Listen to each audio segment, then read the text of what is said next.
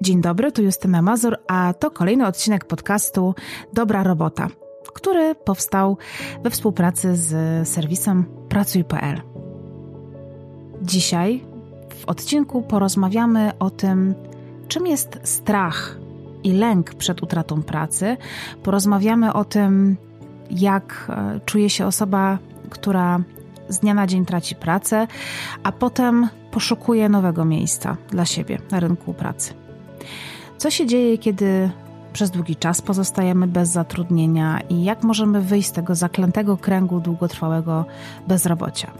Ale nie będę w dzisiejszym odcinku sama, ponieważ moim gościem jest dzisiaj Edyta Zając, która jest psychologiem, trenerem oraz autorką psychologicznych książek i bloga.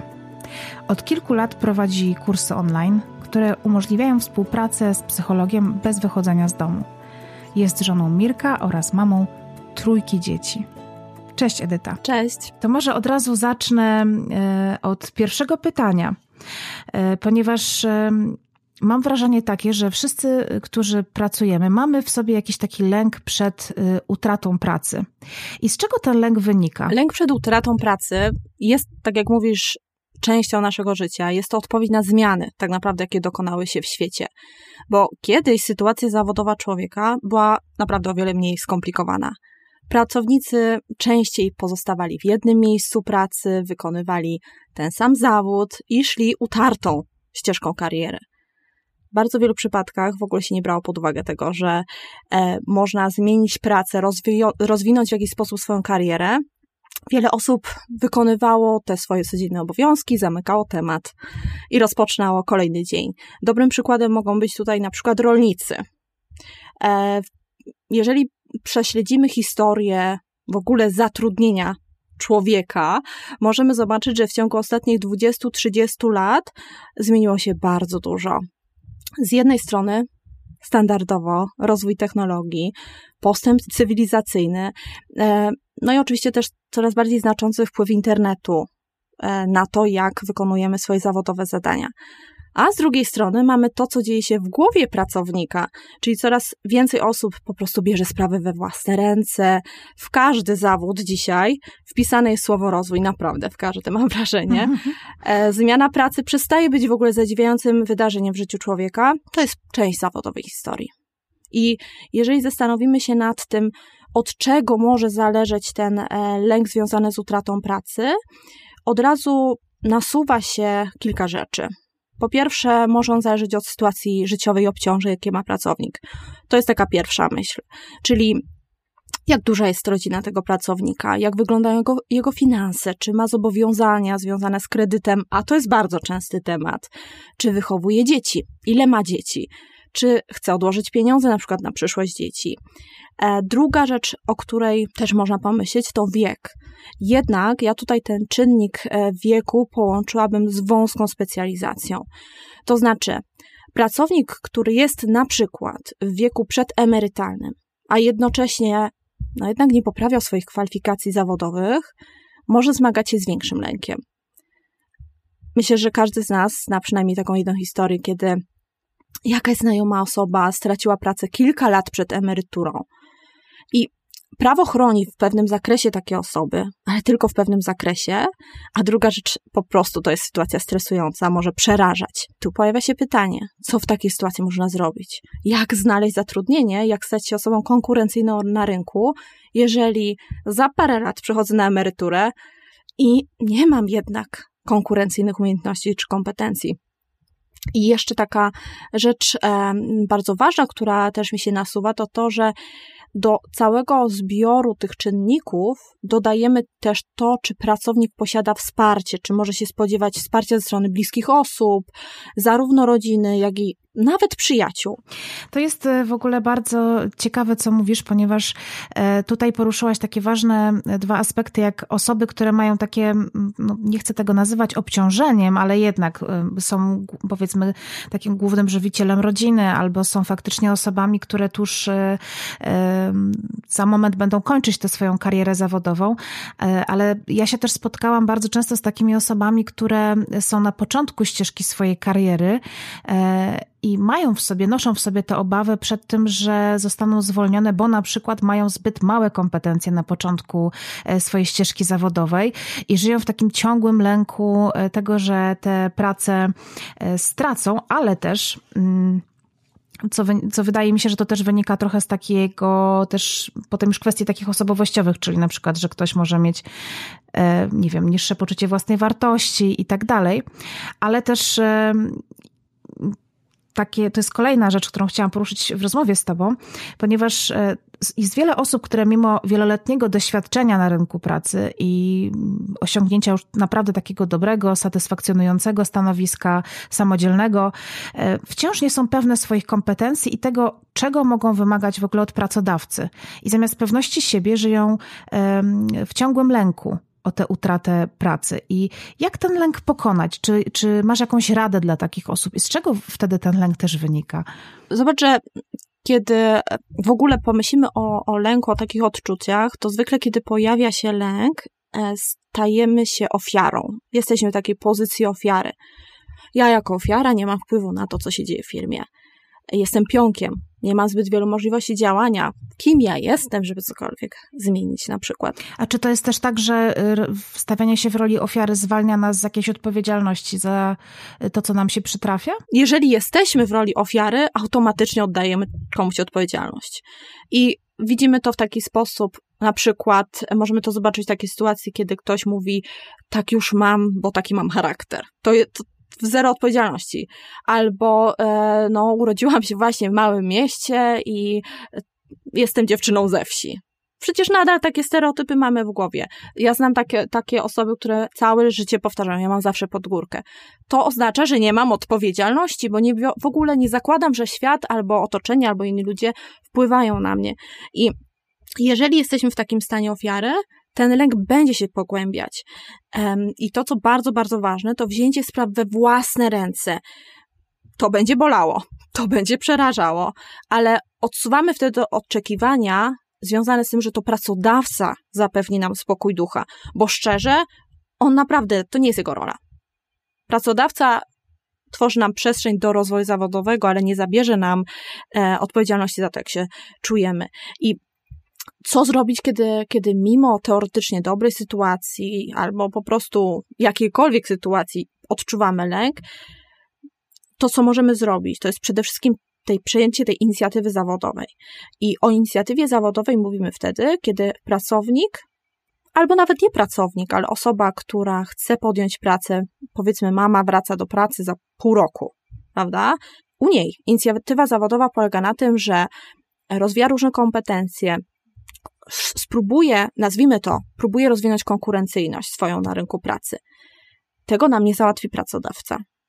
My przychodzimy do pracy gotowi do akcji, a nie dążący do tego, żeby ktoś nam stworzył przestrzeń do rozwoju. No chyba, że jesteśmy na stanowisku juniorskim albo jak jesteśmy stażystą, to wtedy faktycznie chyba pracodawca liczy się z tym, że się uczymy, no ale tutaj mowa o pracowniku takim gotowym, tak jak mówisz. Tak, no ale z drugiej strony zawsze sobie myślę e, o stażystach czy juniorach, że czemu nie wejść w taki, w taki klimat rozwoju? Czemu nie? E, nie, nie znam ani jednej osoby, która straciła na tym, e, na inicjatywie, na dążeniu do rozwoju, na dążeniu do kompetencji. Jeżeli ja bym zatrudniała kogoś, kto jest stażystą, ale po prostu daje z siebie 100% i widać zaangażowanie, zostaje. I zobacz, że dokładnie jeżeli mówimy o tym, mm, jak ten lęk niwelować, idziemy właśnie w tym kierunku. Inicjatywa. I tutaj też myślimy o tym, że inicjatywa wygląda tak, że jeżeli boję się utratę pracy, to co mi da poczucie stabilności? Ewentualna zmiana pracy na stabilną albo zmiana umowy to może być rozwiązanie, które niweluje lęk, bo na przykład e, bardzo popularne w wielu korporacjach bywa, e, bywa umowa B2B, czy business to business, kiedy nie ma tego, e, tego takiego standardowego etatu. Jeżeli tak bardzo się stresuję, że to mnie wytrąca z równowagi, no to szukam etatu. Prawda? I z drugiej strony, zastanawiamy się po prostu nad tym, co mi daje tutaj w tej sytuacji komfort, poczucie bezpieczeństwa, jeżeli chodzi o to, w jaki sposób pracuję. Inna rzecz, zawsze to podkreślam mocno, budowanie stabilizacji finansowej jednak ogranicza lęk.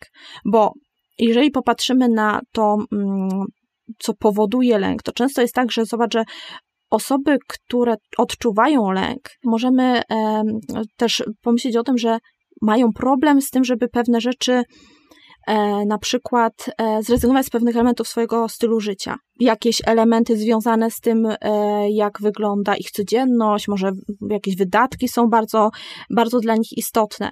Jeżeli jednocześnie przy określonym stylu życia nie ma stabilizacji finansowej, czyli na przykład oszczędności, te wydatki są za duże, nie ma w ogóle nawet, nikt nie śpiewa nawet o e, wolności finansowej, no to jasne jest to, że będziemy mieć duży jeszcze większy lęk. Więc budowanie stabilizacji finansowej to jest taki trochę plaster na tę ranę.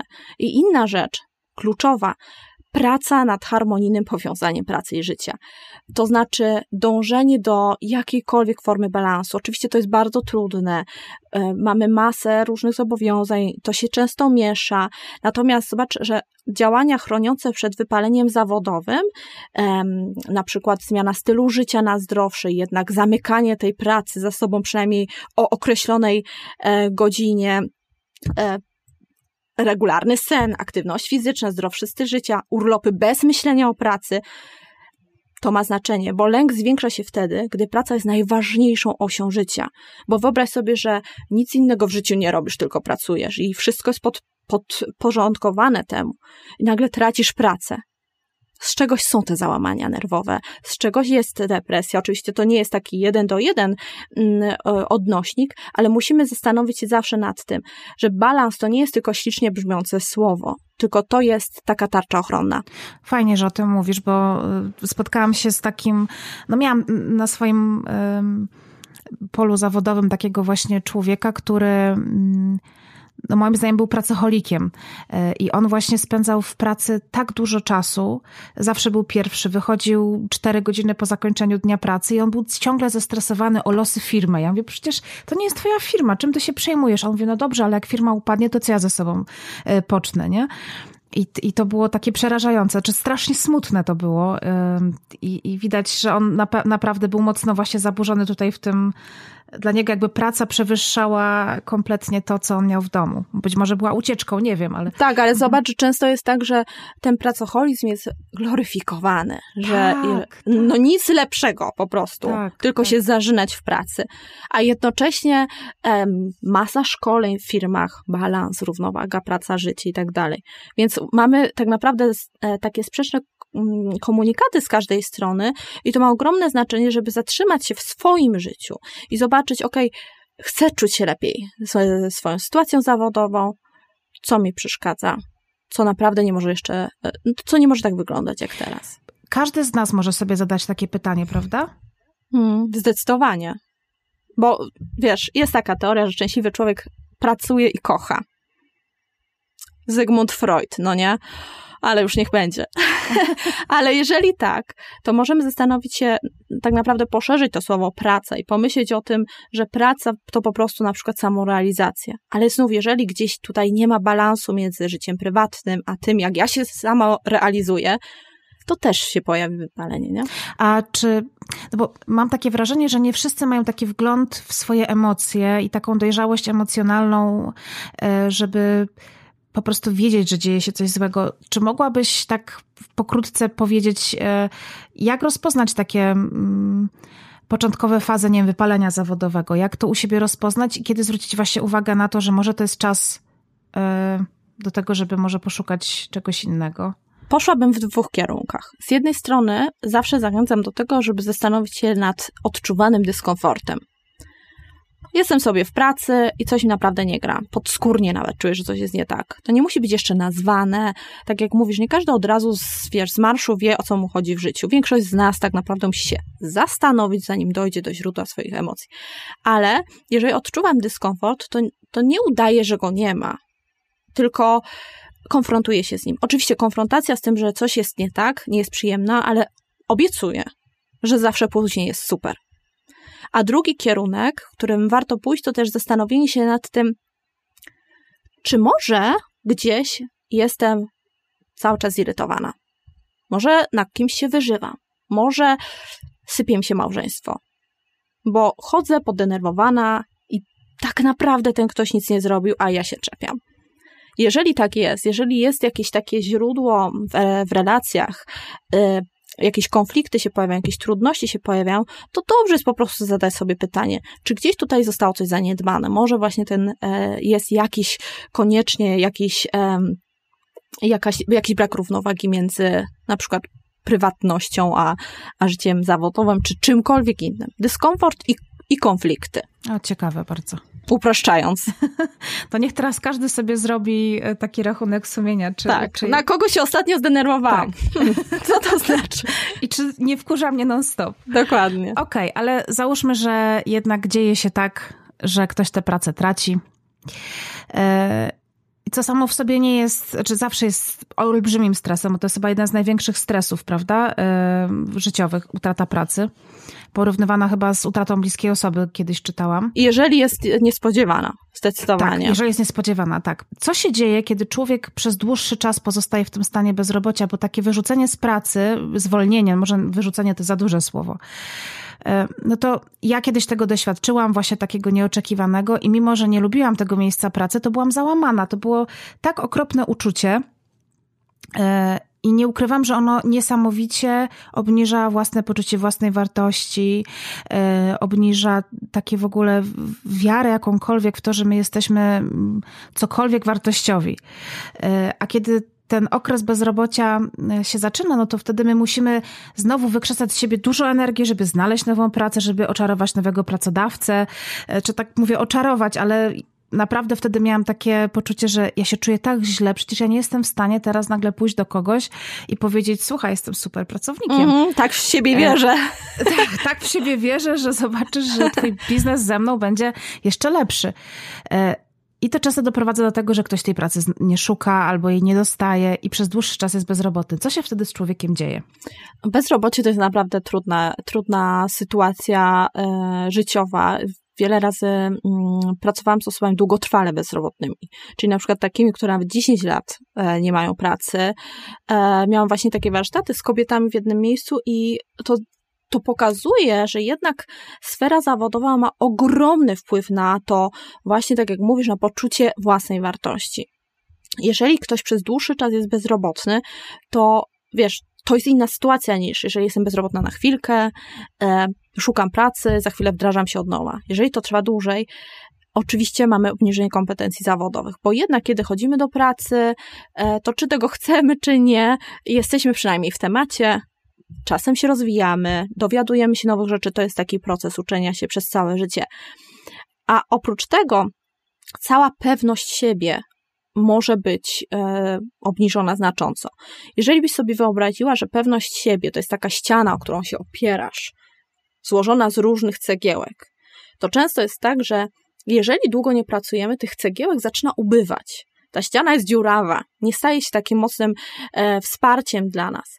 I e, to możemy chociażby zauważyć w przypadku właśnie kobiet długotrwale bezrobotnych, które na przykład zajmują się dziećmi ojej, to już one nie mogą się na przykład wypowiadać publicznie na jakiś temat, bo one nie mają pojęcia o życiu. Wiele razy miałam takie, takie e, rozmowy z kobietami, które ze względu na swoje wybory prywatne przestawa, przestawały w siebie wierzyć. Druga rzecz, e, super istotna, wzmocnienie poczucia bezradności. E, widzimy to w tym, że trudniej o wyznaczanie ambitnych celów. Trochę nie wierzę w to, coś, co, czy uda mi się pewne rzeczy zrealizować, e, może nie chce mi się już trochę podejmować proaktywnych działań, bo przecież nie mam nawet pracy. I oczywiście, znów podkreślam, sfera finansowa ma duże znaczenie. Jeżeli jesteśmy w dobrej sytuacji, jeżeli chodzi o relacje, no to jeszcze jakoś to przełkniemy. Ale wyobraźmy sobie sytuację, która również jest częsta i to jest przemoc ekonomiczna w rodzinach, kiedy e, prawdopodobnie możemy powiedzieć, że to dotyczy częściej kobiet niż mężczyzn, ale jeżeli osoba e, jest na łasce drugiego człowieka i ten człowiek jednak pokazuje, że to jest na łasce, jednak daje e, różne dowody na to, że ratuje ją, albo po prostu szantażuje pieniędzmi, no to co z nas zostaje? I w tym miejscu bardzo dobrze byłoby poruszyć taką kwestię, ile to jest ten dłuższy czas na bezrobociu. Bo o długotrwałym bezrobociu mówimy wtedy, kiedy to jest czas około 12 miesięcy bez zatrudnienia, bez pracy. E, I tutaj zawsze w przypadku. Przepraszam, że tylko ci przerwę. Mhm. Czy to dotyczy na przykład kobiet, które są na urlopie macierzyńskim? To znaczy o tym bezrobociu 12 miesięcy mówię ogólnie okay. dla człowieka. Bo jednak traktujmy urlop macierzyński nie jako bezrobocie. Urlop macierzyński. Bezrobocie będzie wtedy, kiedy tracimy pracę, nie mamy perspektywy na na zatrudnienie i ten, ten czas długotrwały trwa właśnie około 12 miesięcy. I zawsze w przypadku takiego pracownika zapala nam się taka lampka ostrzegawcza. Dlaczego? Czy to znaczy, że ta osoba nie ma kompetencji i trzeba zwrócić uwagę na przykład na dokształcanie się, na zdobycie konkretnych umiejętności, żebyś się przyjrzała temu, co się dzieje w urzędach pracy. Nie są idealne, ale działają, naprawdę próbują robić, co się da. To właśnie tutaj możemy do, zobaczyć różne opcje na dokształcenie się, na szukanie właśnie jakichś możliwości rozwoju kompetencji. Ale znów możemy pomyśleć o tym, czy tu chodzi o brak miejsc, które oferują pracę. Jeżeli tak, taki pracownik może pomyśleć o zmianie miejsca zamieszkania albo o dojazdach do innej miejscowości, ale robimy dalszą, tutaj podajemy to dalszej refleksji, czy pojawia się inny problem, bo może być tak, że w parze z e, bezrobociem idzie depresja, jakieś bardziej inne psychologiczne kwestie, które sprawiają, że taka osoba nie podejmuje pracy. Więc długotrwałe bezrobocie to będzie ten okres około 12 miesięcy bez pracy i dłużej. Natomiast w przypadku krótszych okresów, na przykład trzymiesięcznych, no to tu nie mówimy o długotrwałym bezrobociu. To jest, naprawdę to może być bardzo, bardzo dobry zwykły etap na ścieżce kariery. To są takie um, momenty, które naprawdę nie muszą być negatywne w życiu, wręcz przeciwnie. Wszystko zależy od tego, jak pracownik podchodzi do tego okresu przejściowego, bo to jest okres przejściowy. To znaczy, to może być jeden z najbardziej rozwojowych okresów w życiu człowieka, czasami aż marzyć można o takim czasie. Warto jednak tę chwilę potraktować właśnie jak okres rozwojowy, wykorzystać jak najlepiej. I zaczynamy od początku, czyli zaczynamy zawsze od nadawania struktury dniom, bo kiedy pojawia się bezrobocie, szukamy pracy i tak dalej, łatwo się trochę rozpłynąć w rzeczywistości. I zachęcam tutaj do podejmowania takich bardzo konkretnych kroków. To znaczy na początku planowanie. Każdy dzień w tygodniu ma określony cel. Wyobrażam sobie, jakbym chodziła do pracy, to jak wygląda poniedziałek, piątek. To są dni pracy, przynajmniej umownie. I dla osoby, która poszukuje pracy, to również są dni pracy. E, to są mm, dni, kiedy się poszukuje zatrudnienia, może rozwijamy się, cokolwiek innego dla siebie robimy. Dbamy o to, żeby ten czas jednak nie był taki urlopowy. Kiedy szukamy pracy, to nie o urlop nam chodzi. I Dlatego na początku tygodnia dobrze jest wyznaczyć sobie takie 3-4 cele nieduże dotyczące sfery zawodowej albo po prostu zadania zwykłe do wykonania, jeżeli chodzi o poszukiwanie pracy. Druga rzecz. Nazywam to rytuałami, ustalenie rytuałów. To znaczy, ten czas przejściowy, etap przejściowy to jest czas na rozwój, na umacnianie siebie w sferze zawodowej, może na budowanie większej pewności siebie. Mm, warto dlatego stworzyć dla siebie taki, wiesz, bardzo określony rytm. Zaczynamy od początku, kiedy pobudka. To nie jest moment na spanie do południa, mimo że byłoby super, to nie jest moment na zaburzanie fazy snu, e, rytmu snu.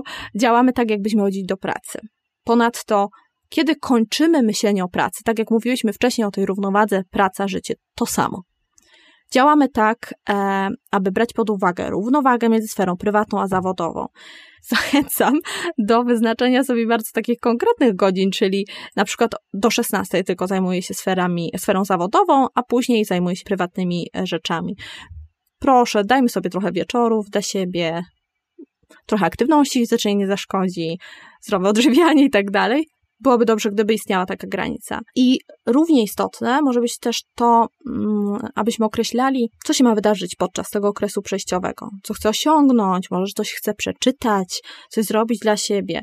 Z jednej strony Oczywiście, że musimy się skupić na poszukiwaniu pracy, bo przecież o to nam chodzi, ale byłoby dobrze myśleć też o innych e, wiesz, aspektach rozwoju zawodowego, na przykład Może będę dokształcać się w określonym kierunku, a może sprawdzę oferty pracy, które wykraczają nieco poza tą moją, wiesz, ustaloną ścieżkę. Czemu niby nie? Myślę po prostu, że w tym okresie przejściowym najważniejsze jest zwrócenie uwagi na to, że naprawdę to nie jest czas na urlop. Jeżeli decydujemy się na poszukiwanie pracy, wykorzystujemy to na rozwój. Powiedz jeszcze, Edyta, ponieważ są osoby, które mm, wiedzą, że muszą zmienić pracę albo po prostu jej szukają, e, ale mają takie podejście, że mm, takie mają taką obawę, że e, mogą tej pracy po prostu nie znaleźć, że tej pracy dla, dla nich nie ma. Przecież jest taka opcja, że, że nie, no może nie, że nie wszyscy e, pracę zawsze dostają, ale może być tak, że są osoby bardziej konkurencyjne na rynku pracy, czy lepsze, powiedzmy lepsze od nas, zawsze jest ktoś lepszy od nas i zawsze jest ktoś gorszy. Ale co byś takim osobom powiedziała, kiedy one właśnie żyją w takim przekonaniu, że nie, ja to, ja to tam już pozamiatane. Zobacz, że tutaj wiele zależy od e, dwóch rzeczy z jednej strony ta realna konkurencyjność, o której mówiłyśmy, i e, te rzeczywiste umiejętności, kompetencje i tak dalej. Jeżeli patrzę na swoje życie, na swoją pracę w taki sposób dosyć realny, oparty o rzeczywistość, to mogę zastanowić się nad kolejnymi krokami, które sprawią, że tę, tę pracę będę miała e, o wiele łatwiej, będę mogła ją znaleźć. I jeżeli mam obawy związane z konkurencyjnością, zmieniam to na lepsze bierzemy pod uwagę sytuację po prostu na rynku pracy też. E, może być też tak, że e, sama pandemia nam obniżyła możliwości. Może być tak, że też z drugiej strony my po prostu w siebie nie wierzymy. Jeżeli mimo jakichś tam świtającym, świtających nam możliwości podjęcia pracy i tak nie wierzymy w to, że jesteśmy w stanie sobie coś znaleźć, popracujmy nad pewnością siebie, nad przekonaniami, zastanówmy się nad tym, jak to może e, zostać zmienione, bo wszystko jest możliwe, ale musimy się dopasować do sytuacji. Super porada, naprawdę. Nawet, nawet wiem, komu wyślę tę rozmowę naszą. E, znam też takich ludzi, y, którzy męczą się w swojej obecnej pracy, nie utracili jej i znoszą bardzo poważne niedogodności. I znoszą je głównie właśnie z tego lęku o utratę pracy i, i długotrwałym, e, przed długotrwałym bezrobociem. Więc wybierają takie mniejsze zło. I czy mogłabyś powiedzieć, jakie skutki może przynieść taka długotrwała praca w miejscu, którego nie lubimy, albo na stanowisku, którego nie chcemy. Och, dotykasz właśnie ważne, bardzo ważnej dla mnie kwestii. To jest tak częsty temat, że mam wrażenie, że często to są realia każdego z nas właściwie, bo bardzo często jest ta kwestia podnoszona. Zawsze, kiedy pojawia się taki temat nielubienia swojej pracy, przypomina mi się taka myśl i wydaje mi się, że mówił to Seth Godin.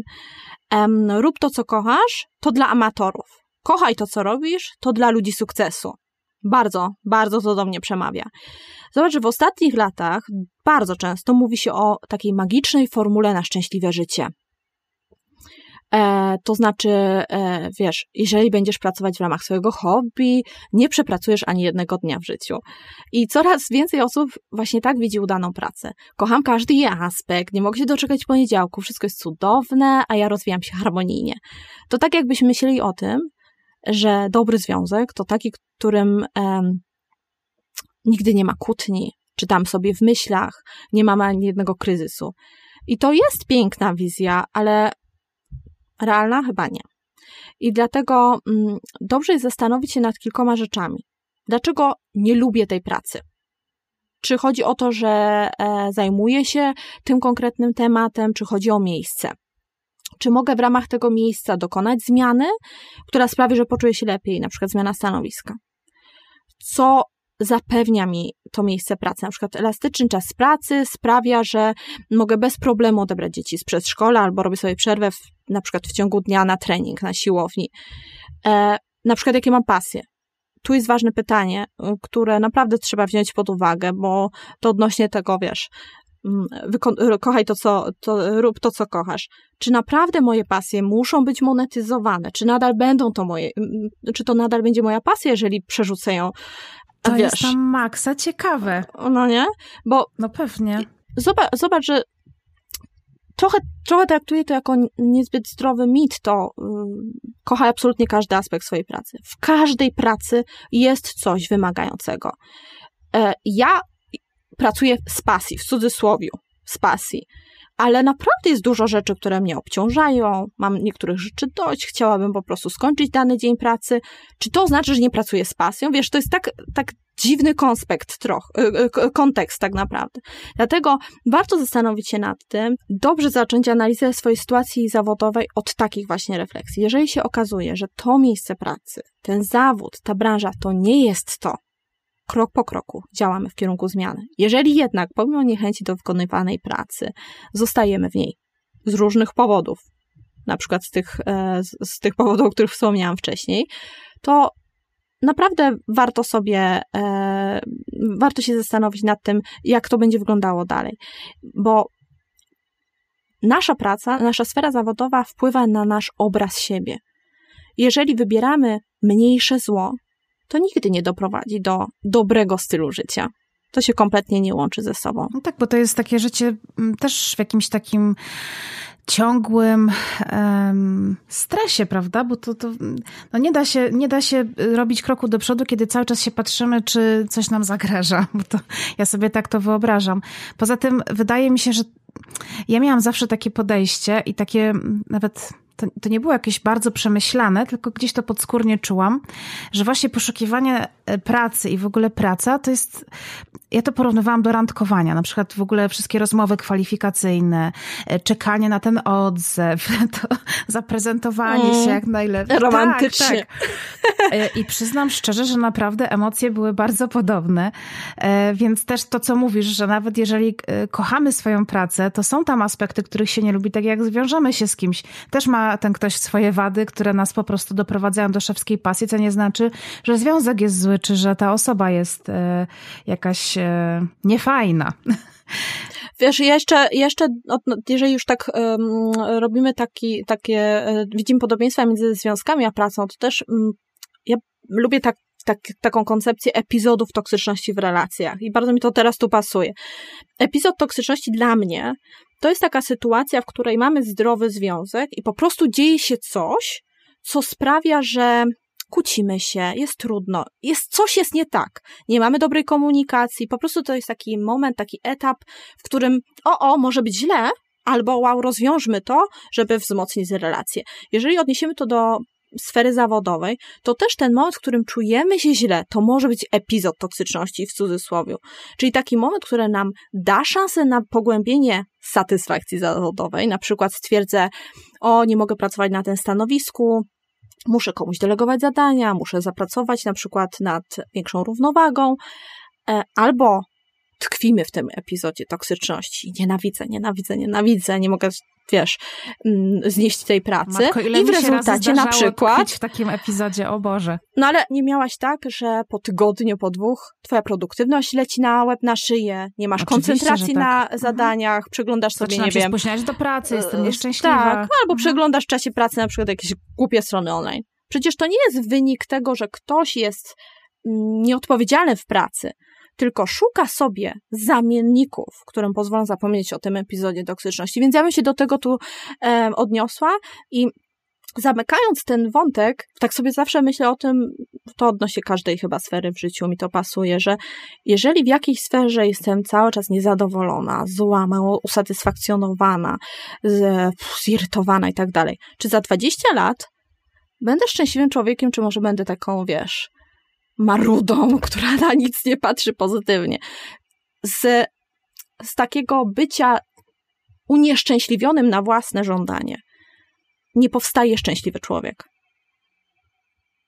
Trochę ciężko, ale ciężko to zabrzmiało, ale, ale czuję to bardzo. No ale jeżeli faktycznie cofniemy się do tych wcześniejszych e, tutaj, e, znaczy do wcześniejszej fazy naszej rozmowy, to, to padało tam takie e, fajne zdanie, że mm, znaczy generalnie z pustego Salomon nie naleje i Salomon nie naleje, że, że, że możemy się przede wszystkim skupić na tym, co jest nasze i że mamy na, tym, na to wpływ, że faktycznie jesteśmy to jest bardzo trudne do, przeskoczenia ten, ten tok myśl, na ten tok myślenia, bo ja to też kojarzę, że pamiętam, że miałam takie poczucie, szczególnie jak byłam młodsza, miałam też mniejsze doświadczenie życiowe, to miałam takie poczucie, że po prostu wszystko mną rządzi, że jest szefowa, szef, że jakieś tam wyższe osoby, które sobie świetnie radzą. A ja jestem takim małym trybikiem, który musi tam zawsze wszystko robić. I w ogóle jakby nie chciałam dopuścić do świadomości, że to i tak wszystko ode mnie zależy, od mojego podejścia do tego, być może właśnie od zmiany pracy i tak dalej, i tak dalej. I dopiero od kilku lat mam takie poczucie, że wszystko tak na dobrą sprawę, co ja czuję, no oczywiście nie mówię tutaj o skrajnych jakichś na przykład, nie wiem, e, zaburzeniach psychicznych czy Wiadomo, są różne sytuacje losowe na przykład czasami, ale wszystko zależy generalnie ode mnie, od mojego podejścia. I o tym myślę, że warto, żeby każdy e, pamiętał, że, że to naprawdę możemy mieć na to wpływ, jak się czujemy, że mamy na to wpływ, jak, jak się czujemy i że możemy wszystko zmienić. E, dobra, a jeżeli już mówimy o tej sprawczości, to co zrobić, kiedy chcemy zmienić pracę, a boimy się tej zmiany? Znów decyzja. Zmiana pracy jest ważnym ruchem, i to może być najlepsza decyzja w naszym życiu, jaką podejmiemy, jeżeli ta zmiana pracy jest czymś upragnionym. Kiedy jednak mamy w życiu właśnie inne zobowiązania, określone cele, nawet marzenia, powiedzmy o podróżowaniu. Zmiana pracy naprawdę może być skomplikowanym procesem, może to być ostatnia rzecz, jaką chcemy zrobić w życiu. Więc szukamy sposobów na to, żeby to połączyć ze sobą. I dobrze jest podejść do tego projektowo, czyli wziąć pod uwagę różne etapy procesu. Tak jakbym tworzyła projekt w, moim, w mojej korporacji, który krok po kroku realizuje. Czemu nie? Wykorzystujemy narzędzia, które działają w wielkich firmach. Po pierwsze, określenie ram czasowych, to znaczy, kiedy zmienię pracę, ile sobie dam na to czasu, czy to jest rok, czy to są dwa lata, trzy lata. Warto podejść do tego racjonalnie, bo nie, może nie jutro. Jeżeli to ma być racjonalne, to jednak dajmy sobie jakąś przestrzeń na spokojny transfer. Druga rzecz, określenie tej ścieżki zawodowej. I tu pojawiają się takie pytania właśnie, czy zmieniam branżę, czy może chcę po prostu gdzieś pracować, gdzieś indziej pracować. Czy potrzebuję czegoś konkretnego, żeby móc podjąć pracę w danym zawodzie albo na konkretnym stanowisku, bo może to jest ten moment, kiedy patrzę z dystansu na swoje umiejętności i kwalifikacje, określam konkretne rzeczy, które należy wzmocnić, mm, poprawić i dzięki temu jestem bardziej konkurencyjna. I zobacz, że jeżeli mamy e, pracę i jednocześnie mamy takie miejsce na to, ok, za trzy lata zmienię pracę, to to jest super komfortowa sytuacja, bo w międzyczasie mogę się dokształcać, mogę e, się uczyć nowych rzeczy, poprawiać swoje kwalifikacje i wyjść w pewnym momencie na rynek pracy już jako, e, jako wzmocniony nieco pracownik. Jeżeli tak jest, ustalamy też takie realne działania, które wzmocnią e, tę konkurencyjność. Mówię o bardzo, bardzo konkretnych rzeczach, czyli na przykład przeanalizuję CV, określę, kiedy te, na przykład to dokształcanie będzie miało miejsce. Może, nie wiem, ktoś będzie robił studia podyplomowe, ktoś chce zdobyć jakiś certyfikat, poduczyć się języka. Jak to ma wyglądać dokładnie? Bo jeżeli określimy takie mm, te kroki tego projektu, projekt ma zakończyć się zmianą pracy, e, możemy zacząć od drobnych rzeczy, od drobnych zmian. Nie musimy od razu, wiesz, rzucać się na głęboką wodę i e, modyfikować CV, tylko możemy po prostu poszperać na początku na różnych portalach zawodowych. Możemy zapoznać się z tym, co jest aktualnie dostępne, zastanowić, ok, jak to się ma do moich planów, do moich wizji, tak naprawdę. I najlepiej byłoby taki plan opracować, który zapewni to płynne przejście od jednej pracy do drugiej. Uważam, że to jest perfekcyjna opcja. Budowanie tego bezpieczeństwa finansowego też ma tu kluczowe znaczenie. Czyli taka ważna kwestia, która może dosyć mocno zniwelować lęk. Dobrym ruchem może być określenie planu finansowego, który ułatwi nam podejmowanie takiej decyzji, że okej, okay, teraz szukam nowej pracy. No to jest chyba ta słynna poduszka finansowa, prawda? Y, to się tak nazywa i to jest y, trzykrotność pensji miesięcznej, tak to jest chyba, że to jest minimum, żeby taka poduszka finansowa była dla nas komfortowa. I zakładając, że będziemy trzy, trzy miesiące bez pracy. Ja jestem zawsze za tym, że troszeczkę więcej. To nie zaszkodzi. ale wiesz, żeby stworzyć sobie taki plan mm, finansowy, dobrze po prostu przyjrzeć się budżetom swoim miesięcznym. Oczywiście trzeba najpierw zacząć śledzić te wydatki, ale można zastanowić się nad tym, ile realnie potrzebujemy na miesiąc, aby żyć komfortowo. Nie żeby przeżyć, bo to naprawdę nie działa, jeżeli, jeżeli sobie wyznaczamy takie, wiesz, jeden do jednego. Zachęcam do wzięcia pod uwagę koniecznych wydatków plus 10% po to, żeby nie mieć takiej sytuacji, kiedy tracimy grunt pod nogami, bo to minimum się wyczerpało błyskawicznie. I druga rzecz, którą do tego dodajemy, to przewidywane wydatki w ciągu roku, czyli na przykład jakie płatności będą realizowane, może ubezpieczenie samochodu albo domu, opłaty przedszkolne, są różne ogrzewanie. rzeczy. Mhm. No, ogrzewanie, przeglądy. Każdy z nas ma takie nieregularne wydatki, których można się jednak spodziewać w ciągu roku. I ta kwota zabezpieczenia finansowego na ten czas poszukiwania nowej pracy powstanie wtedy, kiedy znamy ten budżet miesięczny, znamy dodatkowe wydatki, możemy wyliczyć taką kwotę potrzebną. No, dałem sobie może 6 miesięcy takiego takiej wizji. Wiadomo, że dążymy do jak najkrótszego okresu bezrobocia, mm, ale tak, no trzy miesiące to jest takie absolutnie minimum moim zdaniem. Okej, okay, to teraz trochę e, zapytam cię, mm, może, mm, bo, bo to wszystko brzmi super, i ja się z tym w 100% zgadzam. Tylko, że na przykład teraz tak, ktoś się czuje w pracy fatalnie, jest źle i wie, że musi zmienić tę pracę, i teraz myśli sobie tak, okej, okay, to teraz ile mi czasu zajmie odłożenie kasy na pół roku na przykład, nie? Jeśli na przykład ktoś po prostu czuje, że musi tę pracę zmienić teraz, to co ma robić? Jeżeli to jest tak trudne, wymagające, nie wiem, pojawia się mobbing, jest naprawdę absolutnie brak satysfakcji totalny, to warto zwrócić uwagę na to, gdzie możemy znaleźć wsparcie. Bo jeżeli sytuacja w pracy jest naprawdę tak ciężka, że nie da się tego przetrwać, to może jednak, na przykład wraz z bliską osobą albo z przyjacielem, stworzymy plan na to, jak ten transfer, ten, tę zmianę sobie mm, przetrwać, bo to nie jest tak, tak jak mówisz, ok, mm, oszczędzanie na zmianę pracy może być wymagające, ale chociażby jeżeli odniesiemy się do tej sytuacji, kiedy planujemy ten, te finanse na zmianę pracy, to nie będzie łatwe. To nie jest tak, że ja teraz nie zmieniam absolutnie swojego stylu życia i będę sobie przez 20 lat odkładać na zmianę pracy, tylko jeżeli na serio chcę, to również prawdopodobnie będę mogła, musiała wyciąć jakieś wydatki, to będzie wymagające. Jeżeli nie mam tej opcji, to czy jestem w stanie mm, poprosić kogoś o pomoc, czy jestem w stanie polegać na przykład na bliskim e, człowieku, który mm, w razie potrzeby mnie wesprze bez przemocy finansowej. Prawda? To ma znaczenie, bo jakby nie jest deszczu pod dobra? To może być, um, mamy dwie drogi. Albo to spokojne dążenie do tego, żeby obcinać te wydatki, oszczędzać, tworzyć tę, tę swoją poduszkę finansową, albo z drugiej strony korzystać ze wsparcia osób, które są w stanie nam je dać. Ale bardzo zachęcam do tego, żeby tam nie było niedomówień, albo podejrzewam, że mi pomoże, mama zawsze mnie wspiera, albo przecież on nic nie ma przeciwko temu, chce, żebym się rozwijała. Nie, nie, nie.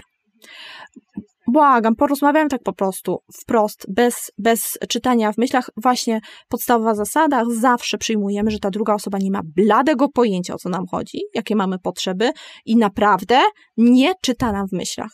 Jeżeli potrzebuje czegoś, muszę to powiedzieć wprost. Bardzo dobra rada. To teraz przyjrzyjmy się sytuacji osób, które są bezrobotne i powiedzmy, że są po tym długotrwałym okresie bezrobocia. Jak one mają wrócić na rynek pracy?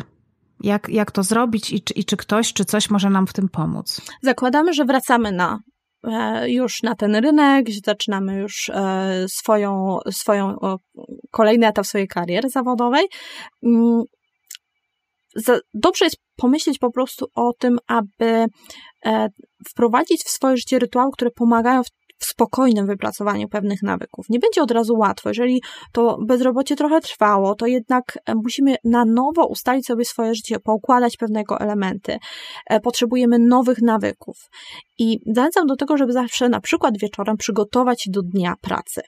E, dobrym pomysłem jest najprostsza opcja, czyli zastanowienie się nad tym, co jest do zrobienia w następnym dniu. Czy mogę jakoś mentalnie się przygotować do wyzwań tego dnia? Jeżeli ja wiem, że na drugi dzień mam pięć spotkań, to o, jutro mam pięć spotkań. Wiem, czego się spodziewać. Taka przewidywalność jest e, bardzo przyjemna. E, Oprócz tego możemy stworzyć też listę zadań, e, na przykład związaną z, też ze sferą prywatną, może potrzebuje coś załatwić po pracy. Im więcej właśnie przewidywalności, tym większe, większy spokój podczas tego pierwszych, tych pierwszych chwil. A oprócz tego wieczorem możemy pomyśleć o jakimś posiłku, który chcemy dla siebie przygotować do pracy, cokolwiek, co nam e, da ten, ten taki spokojny, e, spokojne wejście do, e, do, tego, mm, do tego dnia. I druga rzecz, określenie granic. Moja ulubiona zasada w pracy pracuj. To znaczy dbanie o to, aby ten czas pracy był czasem koncentracji na zadaniach, a nie na realizowaniu prywatnych działań. I w, drugie, w drugą stronę, jak zwykle, czyli pra- po pracy nie pracuj, to znaczy, kiedy nie pracuję, które dni tygodnia są wolne od myśli o pracy, o której godzinie przestaję zajmować się sferą zawodową.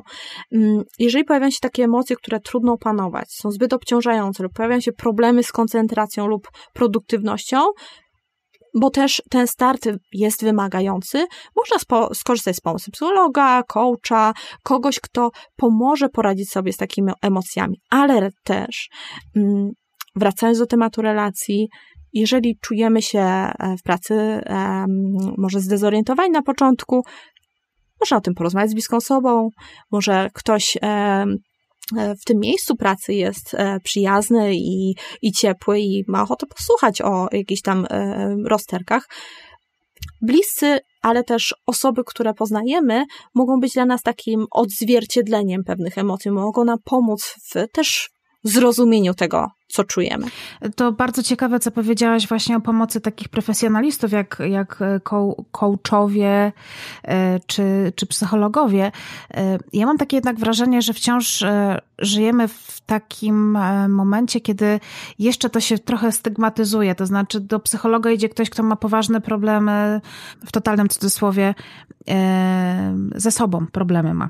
Więc, a wiem, że, że są właśnie coachowie zawodowi i tak dalej, i tak dalej, czy coache zawodowi. E, I powiedz mi, czy faktycznie taki coach jest nam w stanie pomóc i czy powinniśmy się wstydzić tego, że my prosimy kogoś o pomoc, e, takiego profesjonalistę?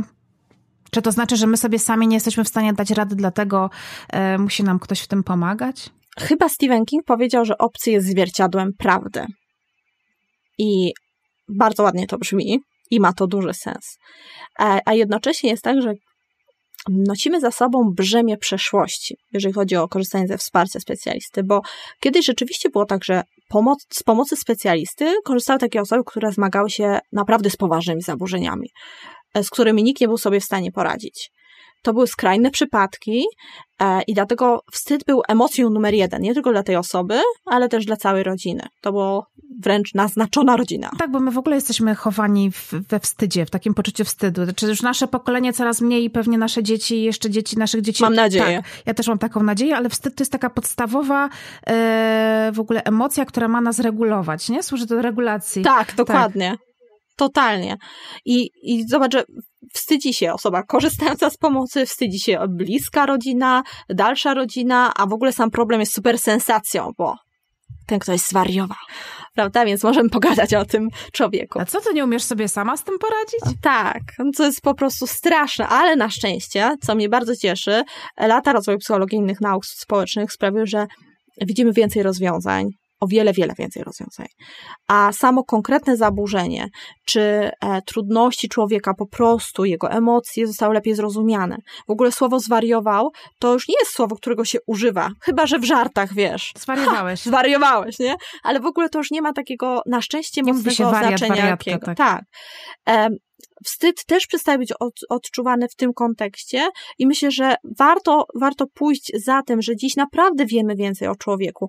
Kiedyś pomyśl o tym, jak było, nie wiem, 30 lat temu. Znasz takie hasło może? Dzieci i ryby głosu nie mają. O Dzieci Boże. do pewnego roku w ogóle praktycznie nie siedziały przy stołach i nie e, nawiązywały kontaktów społecznych. Miały, wiesz, były namaszczone, wiesz, żeby usiąść przy stole dziś się to zmienia. To nie jest tak, że e, człowiek, e, który odczuwa, nie wiem, stres, e, który ma, nie wiem, jest, odczuwa jakieś zaburzenia nastroju, to jest nienormalny, tylko po prostu on może skorzystać ze wsparcia kogoś, kto naprawdę świetnie się na tym zna. Taką osobą jest psycholog, takim oso taką osobą jest coach, czasem taką osobą jest psychiatra albo ktoś inny, kto lata spędza nad tym, żeby poznać naturę człowieka, wymyślić fajne sposoby na to, żeby sobie poradzić z tym, z czym ktoś się zmaga. Bo przecież chcemy lepiej żyć, nie chcemy wymyślać koła na nowo, gdzieś tam może być jakiś, jakaś osoba, która, która już coś wymyśliła i można skorzystać z jej wiedzy. Wielu świetnych specjalistów może nam pomóc w określeniu swojej ścieżki zawodowej, może pomóc w budowaniu większej pewności siebie, albo może pomóc w radzeniu sobie z, właśnie z jakimiś emocjami, które są bardzo trudne dla nas. I kiedy myślę o tym lęku związanym ze sferą zawodową, zawsze pojawia się w mojej głowie takie pytanie: czego dokładnie się boisz? Dobry psycholog czasem może o to zapytać. Warto, warto się zastanowić nad odpowiedzią na to pytanie, bo właśnie ono może stać się taką wskazówką na przyszłość. Lęk e, powiązany na przykład ze sferą finansową może dać nam jasną informację, może się skup na sferze finansowej, prawda? Kiedy e, e, chodzi o taką pozycję zawodową, o jej stracę pracy, już nigdy nie będę dyrektorem, na przykład gdzieś tam, no to może pomyśl o tym, żeby wzmacniać swoją konkurencyjność, poprawić swoje kompetencje. Lęk, choć nie jest fajny, jest nieprzyjemny, może być naszym przewodnikiem e, i tak naprawdę historia rozwoju człowieka, wiesz, od samego początku istnienia człowieka pokazuje, że lęk jest informacją. I ja zachęcam naprawdę do wykorzystywania informacji, które pochodzą z lęku. I to jest bardzo dobra myśl na koniec naszego odcinka, bo wydaje mi się, że każdy, kto czuje się źle w swojej pracy albo odczuwa jakiś taki stres gdzieś podskórny cały czas tej pracy, mm, może się zastanowić, czy to przypadkiem właśnie nie są te e, kwestie, o których dzisiaj mówiłyśmy. Bardzo Ci dziękuję za, e, za udział w odcinku, za to, że poświęciłaś swój czas i że tak bardzo Mm, e, szczegółowo odpowiedziałaś i na, na wiele pytań i doradziłaś naszym słuchaczom. Bardzo Ci dziękuję. Ja też bardzo dziękuję.